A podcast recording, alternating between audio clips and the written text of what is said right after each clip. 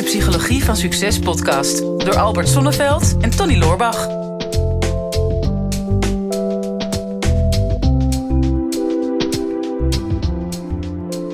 Albert, de aller, allerbeste wensen voor 2020. Ja, Nog even. ja, we hebben de drempel gehaald eh, volgens mij. Ja, wat overleefd. Ja, en nu ligt het jaar maagdelijk wit voor ons. Een blanco bladzijde, zoals jij het zo altijd zo mooi noemt. Ja, nou, zo wit is het niet. Het is, het is een beetje grijs bij Maagdelijk grijs voor ons. Ja, Ja, En, want we eh, zijn er even twee weekjes tussenuit geweest. Maar oh, ja ik, nieuw, hoop, nieuwjaar is begonnen, dus wij ook weer. ik hoop dat de luisteraars ons dat kunnen vergeven. Dat we zelf ook een keer kerstvakantie hebben gehouden. Ja.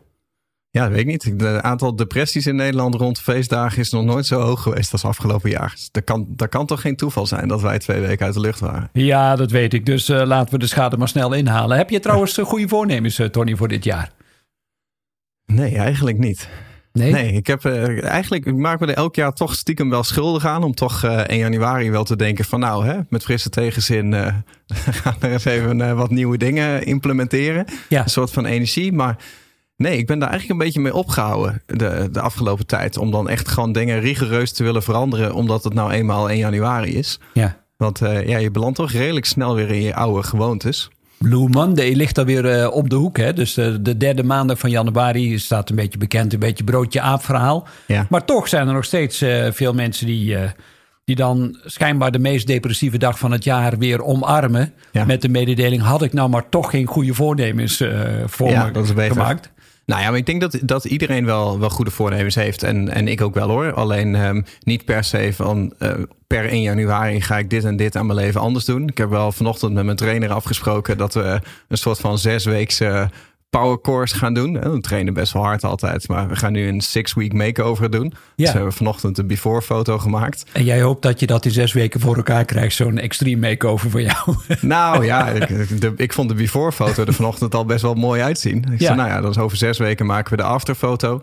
Dan gaan we even zes weken lang eh, alcoholvrij en perfecte voeding en hard trainen. En voor mij is dat wel interessant om even weer samen dan met iemand anders. Want als ik dat van mijn eigen wilskracht moet hebben, dan eh, wordt het een one-day makeover. en, en niet dunner worden, maar hè, dan wordt het eh, pizza's eten. ja. En dan ben ik een dag later zie ik er inderdaad heel anders uit. Maar eh, nee, om even weer de boel even weer aan te scherpen en even wat nieuwe gewoontes aan te leren. Maar hoe is dat bij jou? Heb jij, eh, heb jij goede voornemens? Ja, nou ja, een van, een van de goede voornemens is om ehm, de doelen die ik voor mezelf gesteld heb in het verleden, om die sowieso wat bij te stellen van tevoren al. Eh, en dat, nou ja, door minder van mezelf te eisen. Ik heb altijd nogal de neiging om eh, productief te zijn. En eh, ik dacht zoiets van, nou, laat ik gewoon eens minder productief zijn. Geen to-do-lijstjes maken. Ehm, en in ieder geval de planning te beginnen voor 2020 met een aantal grote blokken ehm, in mijn agenda te zetten waarin ik lekker op vakantie ben of in het buitenland ben. En zodat ik mijn mantra, ik ben mijn hele leven op vakantie en tussendoor werk ik, om die in ieder geval weer te bekrachtigen. Dat Ja. is mijn enige goede voornemen voor dit jaar. Dus je hebt nog niks gepland, behalve je vakanties. Kijk, dat is winnen. Hè? ja, ja, dan eh, heb ik die in ieder geval staan en eh, de rest vult zich, eh, dat weet je, toch vanzelf in. Had je vorig jaar goede voornemens die je wel of niet hebt doorgevoerd? Ja, ik had inderdaad goede voornemens. En één daarvan eh, was wel om, eh, om meer, nog meer tijd voor mezelf in te plannen. In quality time, in meditatie, contemplatie, in de stil te zijn. En ik merk dat dat toch moeilijker lukte dan dat ik zou willen. Dus ik kon toch lastig begrenzen. Ik heb me toch weer laten verleiden. Een aantal aantrekkelijke projecten om daar toch in eh, mee te gaan. Dus ehm, dat, dat was zo'n ding waarvan ik denk: oh, dat zou mijn kwaliteit van leven nog meer verbeteren. Maar dat is niet volledig gelukt. Wel een Mhm. deel. Maar in percentage denk ik dat ik ongeveer 60% geslaagd ben erin. 40% zou beter kunnen. En daar zit wel focus op dit jaar. Ja. Dus het is wel een beetje bijgetrokken naar de goede kant. Ja, zeker. Ja, nou, dat is in ieder geval een voordeel. Want denk, als ik naar de meeste goede voornemens kijk. Ik zit ook heel even snel te denk- denken wat ik vorig jaar als goede voornemens had. Ja, Volgens mij het belangrijkste waar ik toen mee bezig was, was om mijn mobiele telefoongebruik en mijn social media te gaan minderen. Of sowieso mijn beeldschermtijd. Daar hebben we toen ook wel een podcast over opgenomen, volgens mij. ja, En dat is, dat is een tijdje heel, heel erg goed gegaan. Daarna ook weer wat afgezwakt. Maar als ik nu de balans opmaak, denk ik van oké, dat is wel drastisch minder geworden door de bewustwording van, eh, van de eerste maanden. Dus dat is nog wel interessant. Maar ik heb het niet helemaal gehaald. Nee, nee. nou ja, zolang je het maar duidelijk in beeldschermen hebt, dan komt het wel goed voor jou. Ja, precies. Ja. Maar ja, er zijn nog steeds veel mensen die goede voornemens hebben. Dat op een of andere manier uh, ja, het idee hebben van nou, dat lukt me wel. En misschien is het wel interessant om eens te kijken waarom dat het niet lukt om die goede voornemens voor elkaar te krijgen. Ja, van al die uh, social media posts en blogs en podcasten met goede voornemens en hoe behaal je je doelen. Misschien wel leuk om inderdaad eentje op te nemen over waarom het waarschijnlijk is dat je je doelen niet gaat bereiken. Ja. en hoe dat komt. Want ik weet niet hoe dat bij jou zit, maar de afgelopen, jaar, uh, afgelopen dagen natuurlijk van heel veel mensen de beste wensen gekregen. Ja. En het zijn allemaal dingen als van hè, maak van 2020 je beste jaar ooit. Of hè, de, de succesgoeroes zeggen het dan allemaal in het Engels. Hè, je most amazing year ever. En dan krijg ik altijd zo'n kokhalsneiging van. Denk, waar moet het nou weer zo overdreven allemaal? Ja. Weet je, doe gewoon lekker je ding. En als je wat dingen wil verbeteren, scherp het dan aan. Maar waarom moet altijd alles per 1 januari over de kop? En moet je ineens de beste versie van jezelf worden per 1 januari. En dat, dat lukt meestal niet hè, in één keer van maandag op dinsdag. Dus laten we eens kijken inderdaad waar dat aan ligt, waarom dat dan niet lukt. Nou, sowieso um, is mijn ervaring dat mensen de, de doelen die ze voor zichzelf stellen, vaak doelen zijn die niet echt bij hen passen. Hm. Dus um, die doelen zijn 9 van de 10 keer te groot. dus we willen één keer eh, een, perfect lichaam hebben. Te lang op Instagram gekeken. Op al die eh, prachtige foto's van die hele mooie lijven allemaal. Ja, en denken, nou, dat moet ik ook in één keer realiseren. En liefst hebben, ze, hebben ze op mijn Instagram gezeten. Ja, inderdaad. en dan, um, dus dat is dan, ja, past het wel echt bij je? Um, en het, het, is makkelijk gefantaseerd om een bepaald doel te hebben dat je dit jaar echt miljonair gaat worden. Of dat je dit jaar echt het huis van je dromen hebt. Of de, de meest ideale baan ever. Maar um, je kunt je ook afvragen van als het je vorig jaar niet gelukt is, waarom zou het dan één keer per 1 januari wel gaan lukken? Dus mm-hmm. wat ga je dan in je gedrag veranderen, waardoor dat het nu wel gaat uh, gebeuren? Dus kies in ieder geval een doel wat bij je past. En maak het niet um, te ver buiten je comfortzone. Want dan komt die amygdala weer, dat kleine orgaantje in je brein, wat alarm gaat slaan. En die gaat zeggen: Dit kost sowieso tijd, geld, energie. Mhm. uh, en daar doe ik niet mee, want ik probeer juist dat lichaam in balans te houden. Ja. Dus dat is, dat is er al één. En het tweede is dat als mensen hun doelen formuleren, dat dat vaak te vaag is. Ook mm zoiets. Weet je, ik zeg altijd, ja, doe het dan helder en uitdagend. Want doelen als, ja, um, ik wil gelukkiger worden. Of ik wil meer mezelf zijn. Mm -hmm. of, dat is altijd knap. Nog meer jezelf zijn. Nog, nog meer jezelf zijn. Of ik, uh, ja, ik wil, ik wil nog meer, uh, weet ik veel wat, nog meer tijd voor mezelf. Nou, wat is dat dan? Want alle tijd die je hebt, die is van jezelf. dus mm. hoe, hoe, hoe wil je die nog meer tijd voor jezelf hebben? Nou, wat mensen dan, en zeker met dit laatste voorbeeld, maar wat betekent dat dan, tijd voor jezelf? Wat, wat is dat bijvoorbeeld voor jou, Tony, als je tijd neemt voor jezelf? Nou, ik weet niet of ik dat zo kan zeggen in zo'n podcast. Er zitten misschien ook wel kinderen mee te luisteren. Maar, nee. Dus eh, we doen wel even een, uh, een disclaimer uh, van tevoren. Nee, maar ja, dat, dat, uh, dat verschilt natuurlijk heel erg. Hè? We hebben ook wel eens een podcast opgenomen over het verschil tussen werktijd en privé-tijd. Ja. En dat dat ook een, een hele dunne grens is. En uh, denk ja, tijd, tijd voor jezelf hoeft niet eens te betekenen dat jij in je eentje op de bank zit naar een muur te kijken. Hè? Dat je niks aan het doen bent. Mm. voor sommige mensen is dat alleen zijn. Voor sommige mensen is dat uh, lekker Netflixen of uh, lekker muziek luisteren. Maar dat kan ook juist sporten zijn. Hè? Als ik gewoon thuis in mijn home gym sta op zaterdagochtend en ik ben lekker aan het sporten. Dat is voor mij ja, tijd voor mezelf. Maar voor de meeste mensen zou dat misschien niet iets zijn wat je zou kiezen als je, als je tijd voor jezelf zou doen.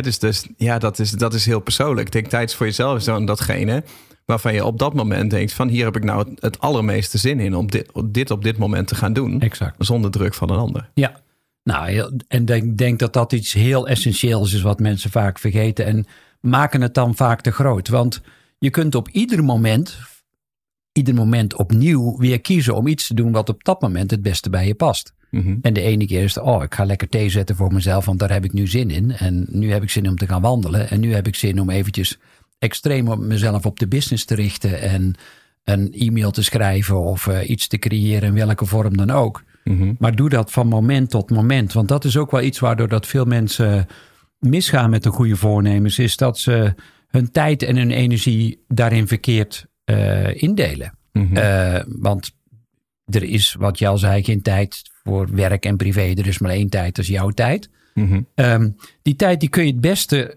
per moment gaan bepalen. Daarom uh, begon ik deze podcast ook met een paar grote blokken in het Mhm. jaar neer te zetten.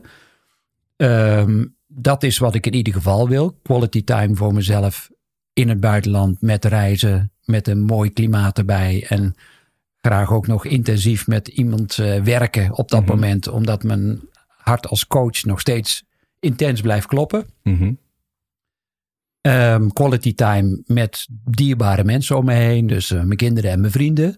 En voor de rest ja, kun je in het moment gaan kijken wat er het best bij je past. Je hebt natuurlijk je verplichtingen, dus kies je doel binnen de mogelijkheden uh, die je op dat moment hebt. En dat kunnen financiële mogelijkheden zijn. Mhm. En niet iedereen kan uh, drie maanden in Bali zitten, bij wijze van spreken. Mhm. Uh, binnen de financiën die je hebt, binnen de tijd die je hebt, uh, misschien binnen de, het gezin. Hè, want uh, mensen met kinderen, ja, die kunnen wel van alles willen. Maar goed, je hebt nu eenmaal de verantwoordelijkheid daarvoor. Mhm. Of binnen de mogelijkheden van je werk wat je hebt. Als je in loondienst bent, dan word je toch vaak bij veel bedrijven nog geacht om van 9 tot 5 aanwezig te zijn.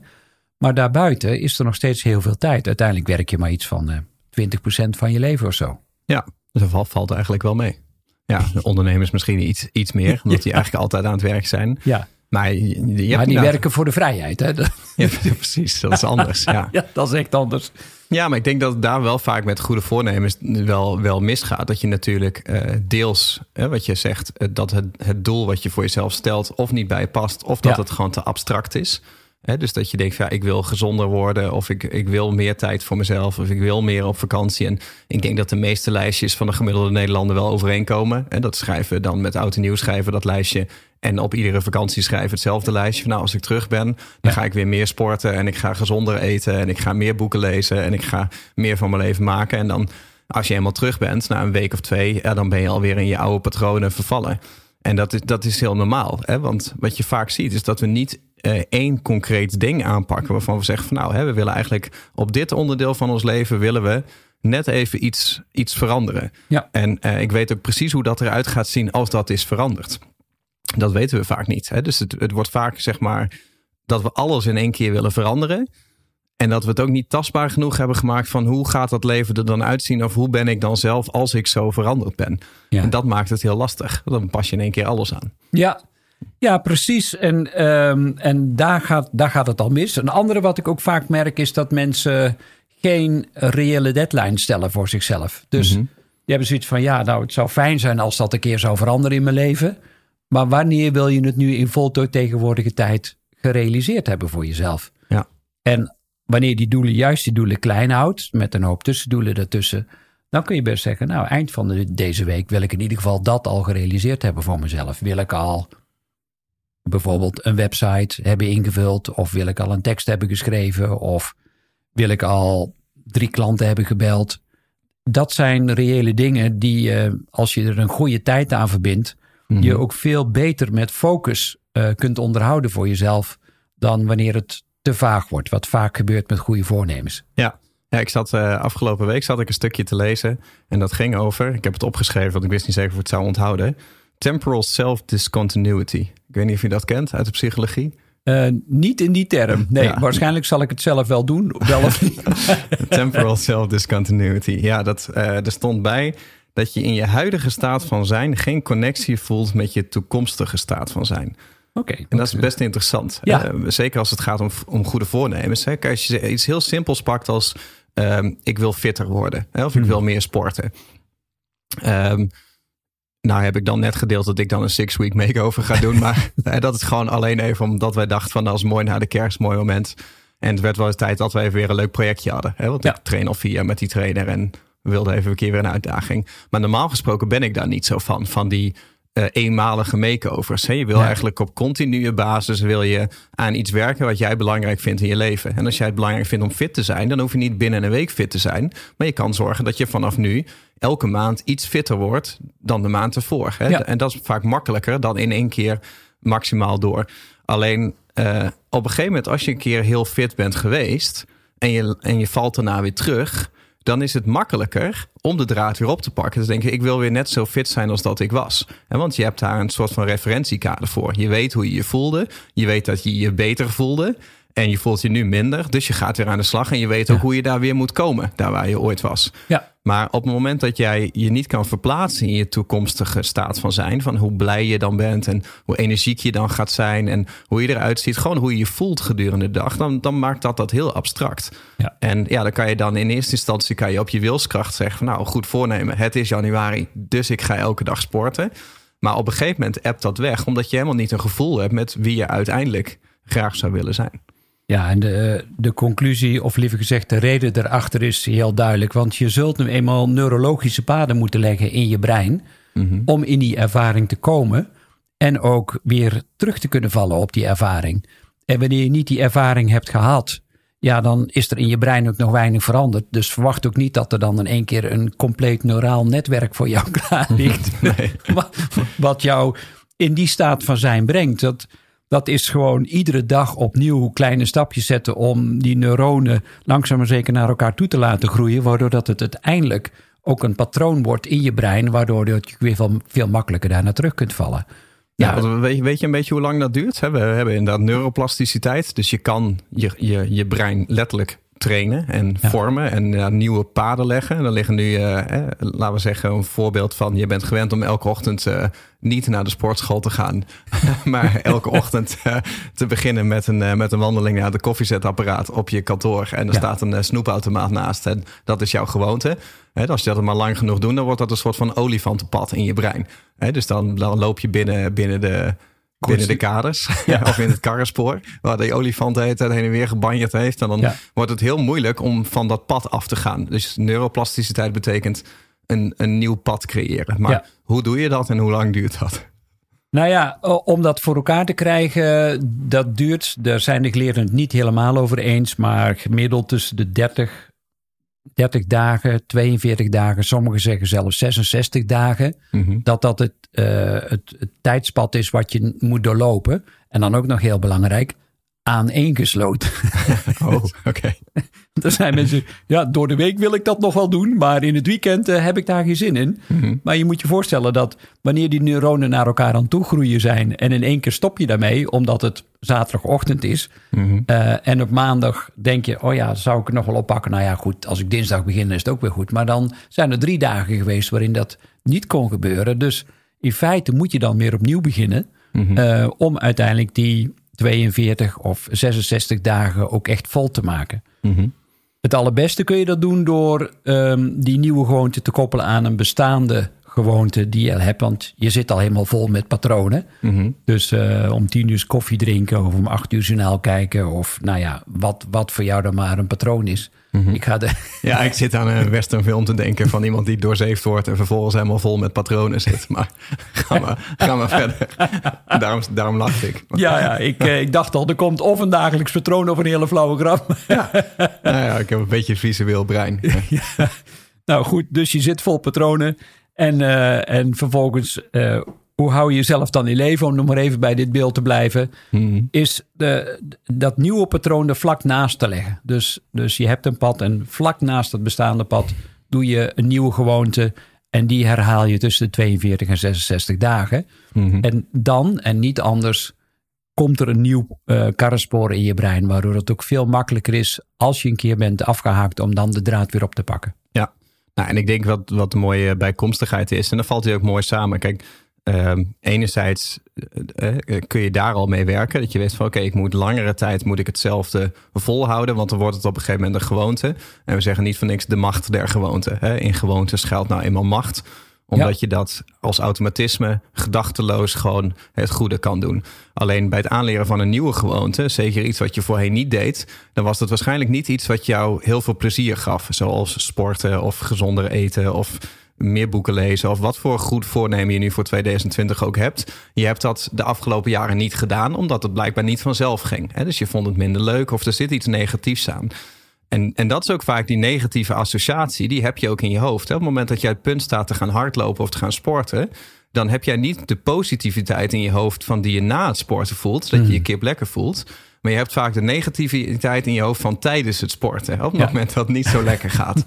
En, en daarom moet je ook moeite doen om dat te gaan doen. Als je denkt van nou, ik ga nu iets vervelends doen. En dan vervolgens mag ik trots op mezelf zijn.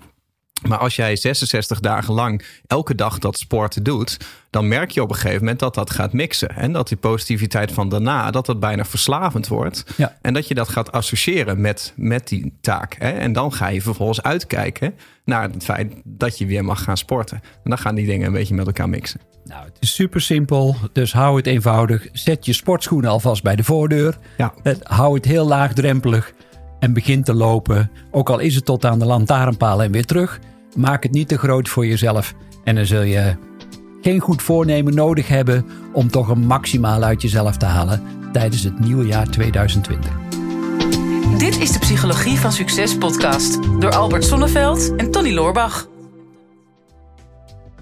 Ja, beste luisteraars, dat was hem alweer voor vandaag. Weer een aflevering voorbij van uh, de Psychologie van Succes. Ik hoop dat je het waardevol hebt gevonden en um, wat je ons dat ook zou willen laten weten.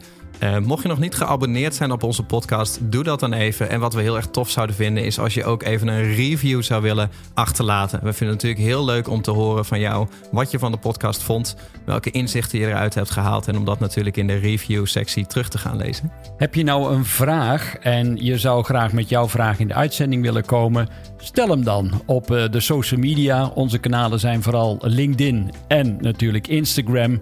De beste vragen pakken we eruit en grote kans dat je dan terugkomt in deze podcast.